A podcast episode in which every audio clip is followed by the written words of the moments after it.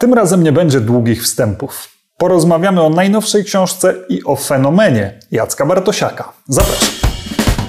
To jest Klubotygodnik, audycja Klubu Jagiellońskiego, której Piotr Trudnowski i Andrzej Kochut komentują wydarzenia krajowe i międzynarodowe. Słuchasz archiwalnego odcinka, który na kanale YouTube Klubu Jagiellońskiego opublikowaliśmy 18 czerwca 2021 roku. Od października Klubotygodniki znajdziesz również w wersji podcastowej na dobrych platformach streamingowych i portalu klubjagielloński.pl. Jacek Bartosiak. Człowiek, który w ostatnich latach zdobył wręcz niezwykłą popularność, jak na kogoś, kto zajmuje się stosunkami międzynarodowymi. Nie brakuje mu oddanych fanów, którzy w dziesiątkach tysięcy oglądają jego filmy na YouTubie, śledzą jego portal Strategy and Future, wreszcie kupują jego książki. Interesują się nim również coraz częściej politycy czego najlepiej dowodzi wywiad prezesa Jarosława Kaczyńskiego dla Interi, gdzie prezes zapytany, co ostatnio czytał, oświadczył, że no właśnie Jacka Bartosiaka.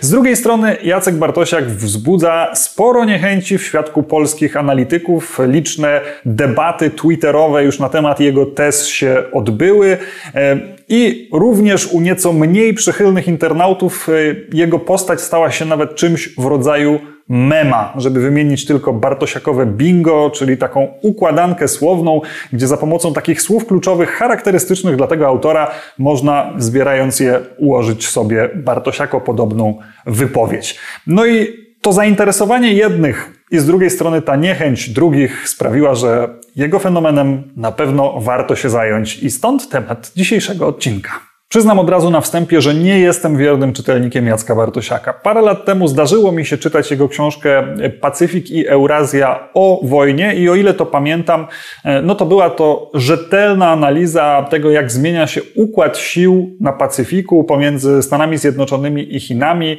e, rozważania oparte na pracy doktorskiej Jacka Bartosiaka, w związku z tym takie, taka książka utrzymana w naukowym rygorze z odpowiednim układem rozdziałów, z przypisami, rozbudowaną bibliografią i tak dalej. Oczywiście to wszystko w pewnym geopolitycznym sosie.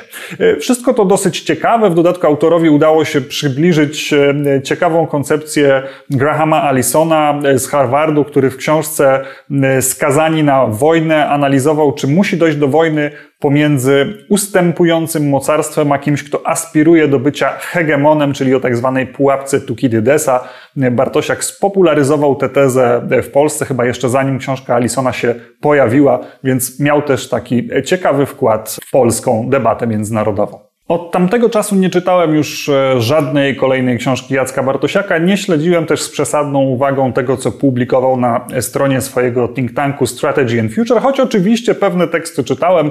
Widziałem też trochę publicznych wystąpień autora, więc miałem ogólne pojęcie, o czym Jacek Bartosiak mówi i jak przekazuje e, swoją wiedzę.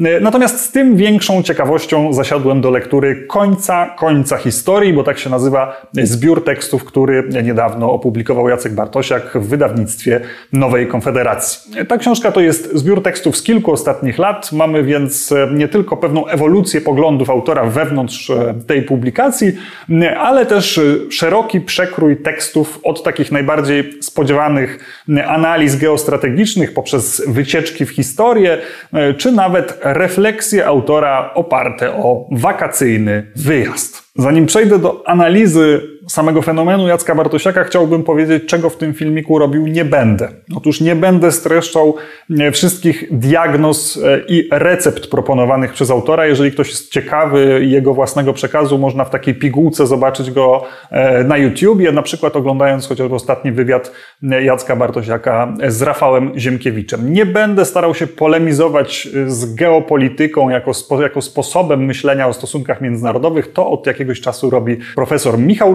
Robił to również na łamach Klubu Jagiellońskiego. E, linki zostawię Wam poniżej, więc jeżeli jesteście ciekawi, możecie do tych materiałów sięgnąć. Nie zamierzam wreszcie polemizować z konkretnymi koncepcjami Jacka Bartosiaka dotyczącymi tego, jak powinna wyglądać polska czy europejska e, polityka. To robią bardzo ciekawie chociażby Justyna Gotkowska czy Jakub Jakubowski. Również jakieś linki postaram się Wam zostawić poniżej. E, warto do tych materiałów sięgnąć. O czym zatem będzie ten film? Ten film, tak jak już mówiłem na początku, będzie o tym, skąd wziął się fenomen Jacka Bartosiaka. Co spowodowało, że autor, który zajął się stosunkami międzynarodowymi, a więc działką, która nie jest w Polsce popularna. I myślę tutaj chociażby o tym, że coraz więcej działów międzynarodowych musi się zwinąć, coraz więcej dziennikarzy międzynarodowych musi szukać innych zajęć, że właśnie w tak specyficznej działce pojawił się Jacek Bartosiak, który zgarnął kilkudziesięcio, a może nawet kilkuset tysięczną publiczność. To jest Klubotygodnik. Audycja Klubu Jagiellońskiego, dostępna teraz w wersji YouTube'owej i podcastowej. By nie przegapić kolejnych odcinków, subskrybuj nasze kanały na YouTube, Spotify lub Apple Podcast. A najlepiej zapisz się na nasz newsletter, wchodząc na www.klubjagielloński.pl. Tam też możesz wesprzeć finansowo naszą aktywność podcastową i vlogową. Bardzo o to prosimy. A mówiąc o fenomenie Jacka Bartosiaka, muszę zacząć od jednej rzeczy. Od tego języka, który uderza każdego, kto zaczyna się zapoznawać z jego dziełem. Bo ten język jest dokładnie taki jak w memach. Rimlandy, Hartlandy, bramy smoleńskie, przepływy strategiczne, systemy antydostępowe, atencje strategiczne, dualizmy na łabie, regiony karolińskie. To wszystko rzeczywiście tam się znajduje. Jacek Bartosiak, można powiedzieć, stworzył swój slang. To jest jakiś taki osobny język, w którym miesza się po części jakiś taki antykwariat, można powiedzieć, bo te Rimlandy i Hartlandy to kojarzą mi się tylko z ciekawostką historyczną, o której uczono e, mnie na studiach e, jakiś czas temu, e, z, ze słowami z, z języka strategii, prawdopodobnie amerykańskiej, oraz takimi sformułowaniami, które Jacek Bartosiak po prostu lubi i chętnie używa przy każdej okazji, co w połączeniu z taką dość skomplikowaną składnią i czasami nie do końca jasną metaforą tworzy dosyć trudno dostępną warstwę językową. Dlaczego uważam, że to jest składnik fenomenu Jacka Bartosiaka? Ano dlatego, że jeżeli ktoś przebije się przez tę warstwę, nauczy się tego specyficznego języka, to jest trochę tak, jakby wszedł w krąg wtajemniczonych, w krąg tych, którzy już wiedzą, zostali oświeceni. I później może łatwo rozpoznać innych, którzy również dostąpili tego wtajemniczenia właśnie po charakterystycznym słowie, które ktoś w rozmowie z nimi użyje, a później nawet może odczuwać ten ktoś, kto już przyswoił ten specyficzny język, pewien rodzaj wyższości wobec tych, którzy tego języka nie rozumieją. Te wrażenie uczestniczenia w wiedzy tajemnej autor buduje jeszcze w jeden sposób, mianowicie dając swoim czytelnikom taką okazję do spojrzenia za kulisy świata. Mogliście na to zwrócić uwagę oglądając wystąpienia Jacka Bartosiaka czy czytając jego książki. On często powołuje się na to, że wziął udział w pewnym bardzo ważnym spotkaniu z pewną bardzo ważną osobą reprezentującą mocarstwo, która to osoba powiedziała mu, jak jest. I tylko my w Polsce nie rozumiemy, jak jest, bo nikt nas na to spotkanie nie zaprosił. Z bardziej osobistych doświadczeń pamiętam, jak jesienią 2016 roku założenia oraz konkluzje wynikające z Mackindera tłumaczono mi w Pentagonie w Office of Net Assessment a ja błogo udawałem, że nie wiem o co chodzi.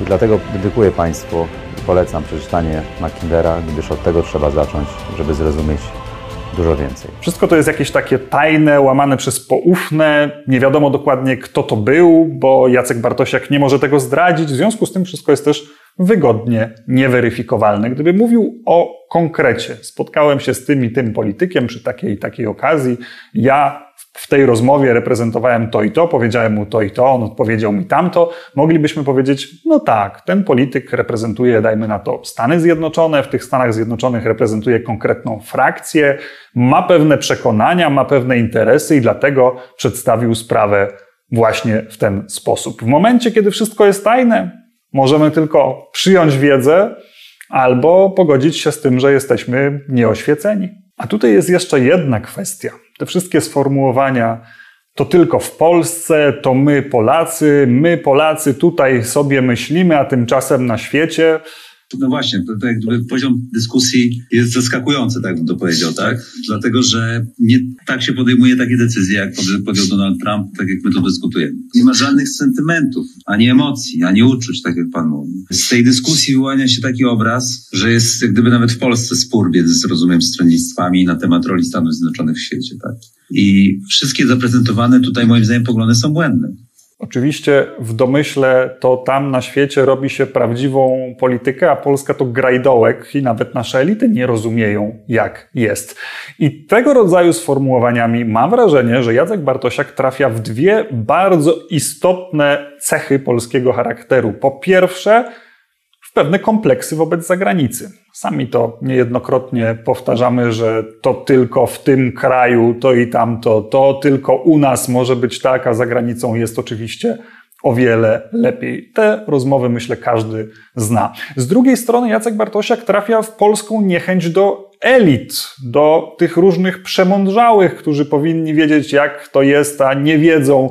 I kiedy mówi o tym, że właśnie polska klasa polityczna jest niedojrzała, że polscy naukowcy albo analitycy nie mają dostępu do prawdziwej wiedzy i zupełnie świata nie rozumieją, to również trafia w bardzo istotną emocję drzemiącą w polskim narodzie. Jednak takie dwa elementy, zbudowanie pozorów uczestnictwa w tajemnej wiedzy z jednej strony, a dobre wyczucie społecznych nastrojów z drugiej strony, nie mogą oczywiście tłumaczyć całego fenomenu Jacka Bartosiaka. Żeby go zrozumieć, trzeba nie tylko popatrzeć na to, jak mówi, ale też o czym, co tak naprawdę kryje się w jego przekazie. Podstawową zaletą narracji geopolitycznej jest jej prostota. Dzisiaj ktoś, kto chciałby śledzić stosunki międzynarodowe, musi się zmierzyć z tysiącem doniesień z całego świata, ze skomplikowaną polityką wewnętrzną poszczególnych państw, z kwestiami handlowymi, z rozwojem technologii, z dziesiątkami drobnych czynników, które zmieniają zachowanie poszczególnych państw na arenie międzynarodowej. Nawet gdyby ktoś miał ogromną wiedzę i nawet gdyby miał całe dnie na studiowanie doniesień prasowych z poszczególnych państw, to i tak na koniec dnia będzie miał ogromny problem, by wyciągnąć z tego jakieś jednoznaczne wnioski, jakąś prognozę na przyszłość, określić, co tak naprawdę się dzieje. Tymczasem geopolityka mówi, to wszystko jest o wiele prostsze. Niemal jak mapa do gry w Europę Universalis. Po prostu są państwa, państwa mają interesy, mają określoną siłę, próbują te interesy realizować i w ten sposób właściwie możemy opowiedzieć cały schemat. Możemy sprowadzić historię Polski do gry o dominację na pomoście bałtycko-czarnomorskim, co zresztą autor w jednym eseju błyskotliwie zrobił. Zupełnie jak w jednym z tych clickbaitowych nagłówków. Odkrył jeden prosty schemat tłumaczący wszystko. Analitycy go nienawidzą. Zobacz jak. Można powiedzieć, że da się w prosty sposób ominąć konieczność wieloletnich studiów i jednocześnie roz- myśleć, że rozumie się więcej niż profesorowie z przestarzałymi mapami mentalnymi. Dwie pieczenie na jednym ogniu. Ale ta opowieść nie jest atrakcyjna tylko dlatego, że jest prosta. Ona jest również atrakcyjna dlatego, że dostarcza pewnej alternatywy. Już mówiłem o tym kiedyś w klubotygodniku. Polska polityka zagraniczna jest nudna. Jest nudna dlatego, że nie ma w niej śladu na poważną alternatywę. Jeżeli chodzi o kwestie bezpieczeństwa, orientujemy się na Stany Zjednoczone, jeżeli chodzi o kwestie ekonomiczne, orientujemy się bardziej na partnerów z Unii Europejskiej.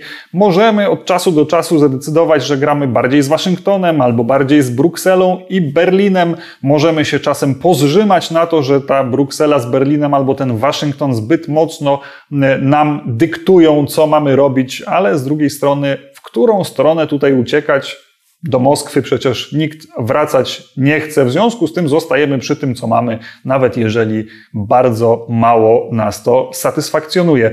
I wydaje się, że stąd płynie ta emocja, o której chętnie mówi Jacek Bartosiak, czyli ten imposybilizm polskich elit, to poczucie, że nic więcej tutaj nie da się zrobić. I właśnie dlatego ten autor jest taki atrakcyjny, bo proponuje ciekawe alternatywy. Obiecałem, że nie będę streszczał koncepcji Jacka Bartosiaka i jego recept i też postaram się tego nie robić, ale czegoż tam nie ma.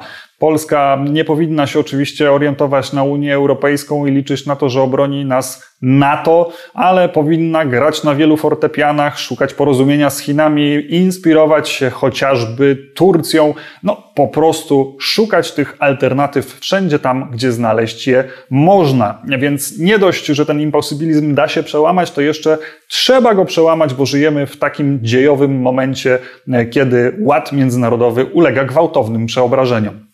Z tą ostatnią diagnozą zresztą trudno polemizować. Rzeczywiście mamy do czynienia z ogromnymi przeobrażeniami na świecie, przeobrażeniami, o których jeszcze nie wiemy, do czego doprowadzą.